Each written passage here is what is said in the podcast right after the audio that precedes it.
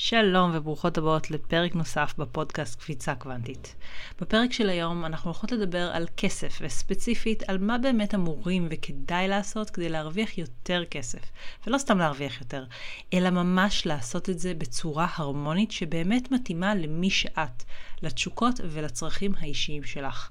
כי כן, אפשר להרוויח כסף בהרבה דרכים, אבל אם זה קורה תוך כדי גרירת רגליים, אם זה אומר לקום בבוקר ולעשות דברים שאת לא אוהבת לעשות ולא מתחברת אליהם, ואין מאחורי זה שום מוטיבציה פנימית שאומרת שווה לי, אז הכסף שמגיע בסוף, ככה לפחות אני גיליתי, הוא גם פחות מכמות הכסף שהייתה יכולה להגיע אם היינו עושות עבור הכסף דברים שבאמת מתאים לנו לעשות, וגם יש בכסף הזה הרבה פעמים אנרגיה של חוסר, אנרגיה נמוכה, ולאורך זמן השפע הכלכלי לא יצליח לפצות על אנרגיה נמוכה כזאת. זה כמו לשחות נגד הזרם, זה נהיה יותר ויותר קשה, כי יש עייפות מלהילחם ועייפות מלעשות בכוח, והעייפות הזאת הולכת ומצטברת עם הזמן. אז אם את מתחברת לתיאור שתיארתי עכשיו, חשוב שתדעי שיש דרך יותר טובה, אבל כמעט תמיד היא כרוכה בלהשאיר מאחור אמונות ותפיסות שהיום אולי מרגישות כאילו הן חלק ממך. זה לא תהליך פשוט, ואני ניסיתי שנים להתחמק מלעשות אותו. אנחנו קשורות לאמונות שלנו, ולפעמים זו מערכת יחסים כמו עם חברה כזאת מהעבר, שמורידה אותך אנרגטית, אבל את עדיין לא מנתקת את הקשר. מערכת יחסים שאת יודעת שלא ממש תורמת לך, ושהסיכוי שלה לתרום לך הוא לא גדול. אבל עדיין משמרת אותה. גילוי נאות והכי בכנות, אני במשך שנים התעלמתי לגמרי מהנושא הזה של להרוויח בצורה הרמונית, ורק רציתי לדעת איך אפשר להרוויח יותר כסף. לא חיפשתי שזה יתאים אליי, לא חיפשתי שזה יהלום את החוזקות ואת התשוקות שלי. לא האמנתי שדווקא מתוך עשייה של מה שאוהבים מגיע יותר שפע. זה היה נראה לי כמו מזל שיש לממש מעט אנשים, ובאמת כאלה שמה שנקרא נפל עליהם שמה שהם אוהבים לעשות גם משלם הרבה כסף. נגיד מתכננים מתכנתים בהייטק שנפלו על ג'וב ממש טוב. כזה. עכשיו, עם כל המוכנות שלי להתפשר, ורק תגידו לי מה הכי כדאי לי לעשות בשביל כסף, יצא לי ללמוד הכל מהכל. למדתי מסחר באי-ביי ומסחר בחוזים עתידיים, ונדל"ן בארץ ונדל"ן בחו"ל, ואיך לעשות הכנסה פסיבית מאתרי אינטרנט, ומה לא. ולמרות שהרבה ממה שלמדתי עבד לי ברמה מסוימת, חלק יותר וחלק פחות, זה היה כרוך בהרבה מאוד מאמץ, תסכול וגם לא היה שם מספיק סיפוק. זה יצר מצב שגם כשהכסף הגיע זה לא היה מלווה בהרגשה טובה. ומה שאני בסופו של דבר הבנתי זה שבשביל שפע הרמוני ושמגיע בקלות, הרגשה טובה היא חלק קריטי מהפאזל. בלי הרגשה טובה השפע לא יגיע כמו שאני רוצה. שפע אוהב להגיע כשמרגישים טוב וכשאין תלות ואין ציפייה ואין היאחזות ואין פחד מה יהיה אם הוא לא יגיע. וזה נשמע כמו סיסמאות שאנשים עשירים אומרים, אבל זה הכי הכי נכון, וכל מי שככה עברה אצלי תהליך ליווי, או לקחה איזשהו קורס, שמה לב לזה שבאמת קודם ההרגשה הטובה מגיעה, ואז התוצאות מגיעות בעקבותיה.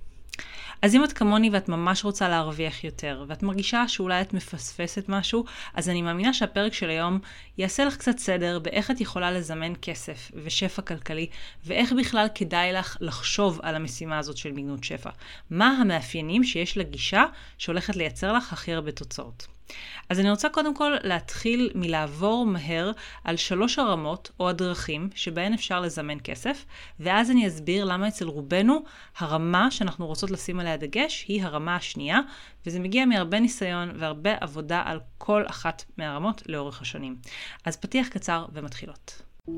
היי, אתן מאזינות לפודקאסט קפיצה קוונטית, ואני נועה גורן, המנחה של הפודקאסט הזה. אני חוקרת את חוק המשיכה ועולם זימון המציאות משנת 2003, ומלווה נשים ליצירת חיים של שפע, הצלחה, אהבה והגשמת חלומות בעזרת כלים אנרגטיים ותודעתיים.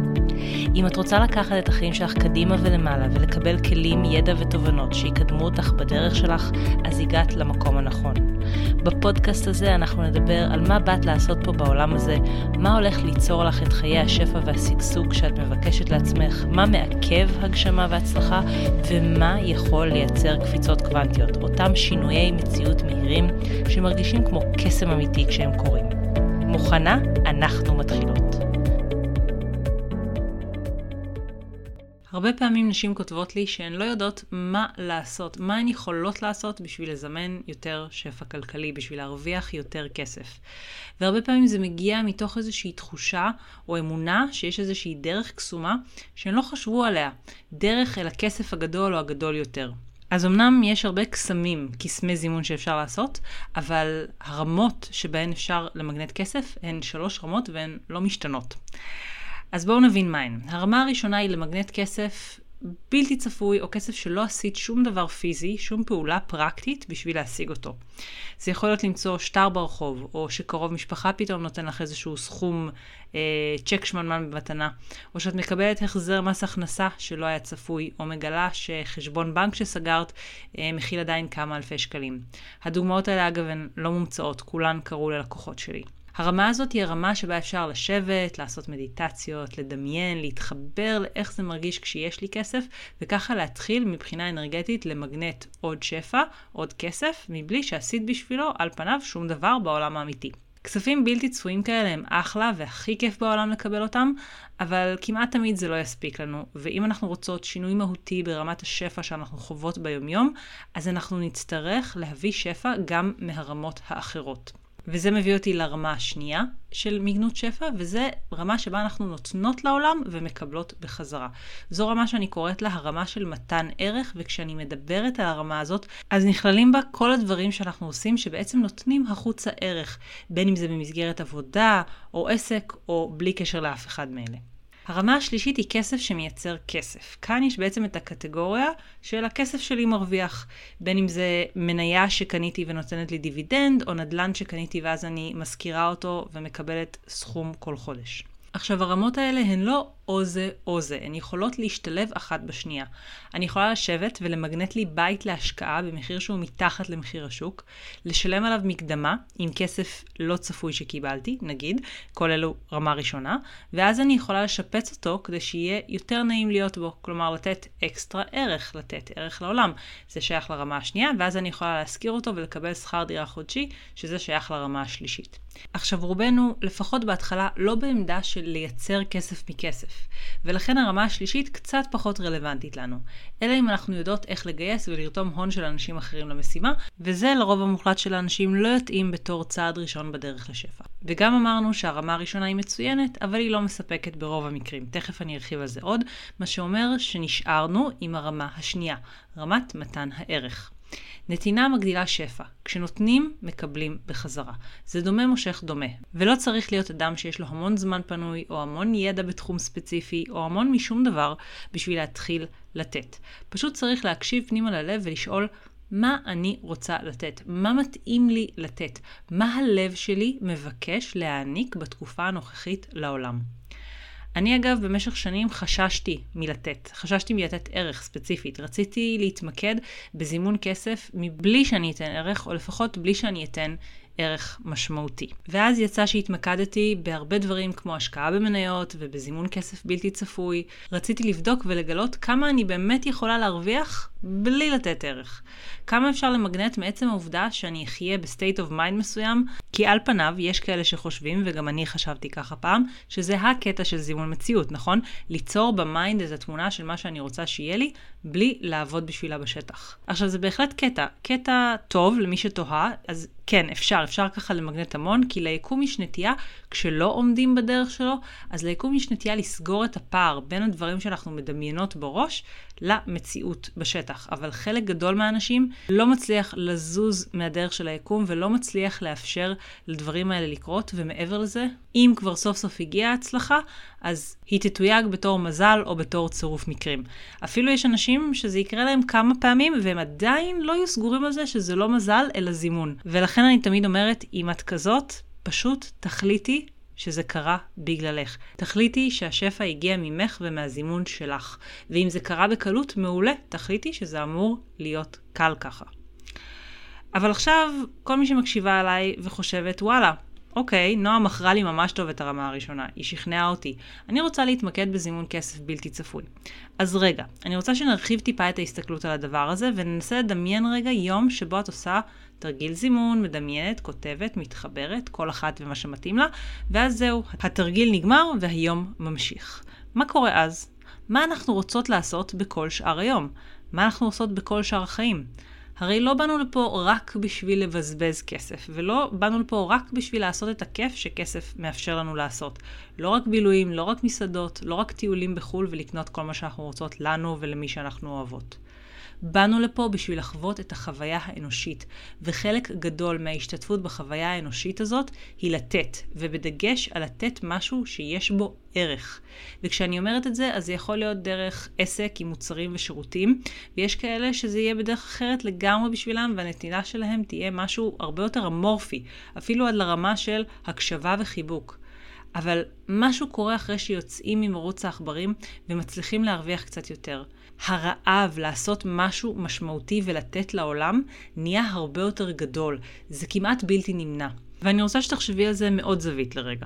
תדמייני שמחר בבוקר מופיע אצלך בבנק סכום שהוא פי שלוש מהסכום שאת כרגע יכולה לזרוק בתור המספר הכי גבוה שיש לך מה לעשות איתו.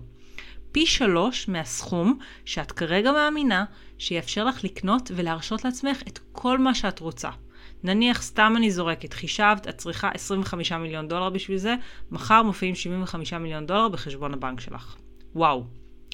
רוב הסיכויים שבמצב הזה, אם יש לך כבר עבודה או עסק, אה, וזה דברים שאת עושה כי את מרגישה שאת חייבת להביא כסף, הם המכשיר אל ה... מה שנקרא לסגור את החודש ולחסוך קצת בצד, אז במצב הזה, מחר בבוקר, הגיוני שכבר לא תרצי לעשות אותם. אולי לא מחר בבוקר, אולי זה יקרה בהדרגה, אבל את לא תהיי יותר מחויבת לעשות שום דבר בגלל שאת צריכה את הכסף שהדבר הזה מביא. ואז יתפנה לך זמן. עכשיו יש כאלה שאומרים, כן, אין בעיה, אני אשקיע זמן בתחביבים שלי ובמשפחה שלי, ואני אטייל, ואלו דברים טובים ומטרות מאוד ראויות. אבל אני טוענת שאחרי שניתן מקום להשקעה הזאת ולדברים שאנחנו רוצים, מתישהו יתעורר רצון, אם הוא לא כבר ער והוא לא כבר מבקש ביטוי, אז מתישהו אחרי שתצאי ממרוץ העכברים, יתעורר בך רצון לתת לעולם. זה אולי ייתפס אצלך כרצון שהוא בקטנה.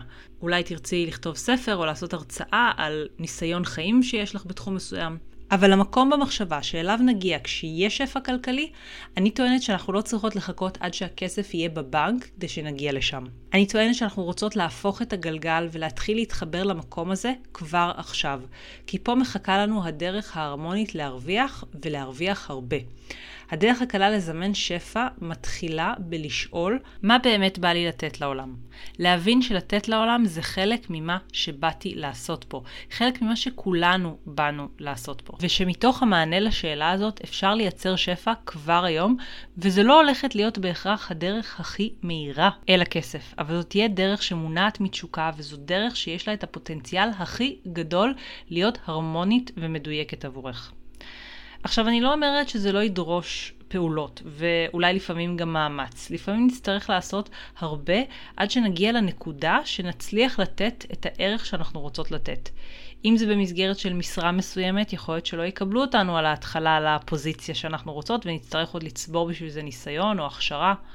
ואם מדובר בלהביא את הערך דרך עסק משלך, אז כל בעלת עסק שרוצה שהעסק שלה יצליח ויגע בכמה שיותר לקוחות וישפיע כמה שיותר בעולם, יש מצבים שבהם מה שנקרא הפרה רוצה להניק יותר ממה שהעגל רוצה לנוק. הדברים הרבה פעמים לוקחים זמן, גם כשהעולם מחכה ואפילו צמא לערך שאת רוצה לתת. וזו עוד סיבה להתחיל כמה שיותר מוקדם, ולפני שיצאנו ממרוץ העכברים, ולפני ש-70 מיליון דולר מחכים לנו בבנק. אנחנו רוצות למצוא את הדרך לתת ולתת, ולסמוך על זה שדומה מושך דומה, ואנחנו נקבל בחזרה גם אם אנחנו עדיין לא יודעות איך זה יקרה או מתי זה יקרה. כשאנחנו עושות משהו שמגיע מתוך תשוקה, מתוך מקום של בעירה פנימית וקול שאומר תתני את הדבר הזה, אז גם אם אין עדיין אף מעסיק שנתן לך בעד הצעת עבודה, או שהלקוחות לא ממש עדיין עומדים בתור, או שאף אחד לא קונה את הספר או את ההרצאה שחיברת, אז עדיין יש פה כוח, יש פה מנוע פנימי שיגרום לך להמשיך ולהתקדם עד שזה כן יקרה. כשאין את המנוע הזה, כשאין דלק איכותי כזה, אז אנחנו אולי נעשה דברים, אנחנו ניתקל בהתנגדות, כי הרבה פעמים נתקלים בהתנגדות, ובהרבה מקרים אנחנו פשוט נוותר. ואם לא נוותר ונתעקש, אז אולי נצליח, אבל אז, כמו שאמרנו, זה לא ירגיש כל כך הרמוני, זה ברוב המקרים לא ירגיש קל, וכמו שאני חוויתי, זה גם לא יביא הרבה מאוד סיפוק. ולפעמים אפשר ממש לשמוע כשאת מתאמצת אה, את הקול הפנימי הזה שאומר לך, יש דרך טובה יותר. והדרך הזאת, ממה שאני למדתי, זה לשלב תמיד בתהליכי זימון השפע שלך נתינה, ובדגש על נתינת ערך. תזכרי שזה ממש ממש חוק, שמה שאת רוצה לתת, יש מישהו שמחכה לקבל, וכשאת נותנת, אז את גם מקבלת. וזה מה שמייצר שפע, וזה מה שאני הכי ממליצה לך לשים עליו דגש כשאת מחפשת איך להרוויח יותר ובצורה הרמונית. אז תודה רבה שהאזנת לפרק הזה. אם אהבת את מה ששמעת, אני הכי אשמח בעולם אם תשתפי ותדרגי ותעבירי הלאה למי שהתוכן הזה יכול לעזור לה. ואם את עדיין לא עוקבת אחריי באינסטגרם, אני מחכה לך שם. חפשי אימון בזימון כדי לקבל ממני ים של תוכן, הדרכות וטיפים על איך לעשות קפיצות קוונטיות וליצור את החיים שאת רוצה בקלילות ובהנאה. זה הכל לבינתיים, ואנחנו נשתמע בפרק הבא.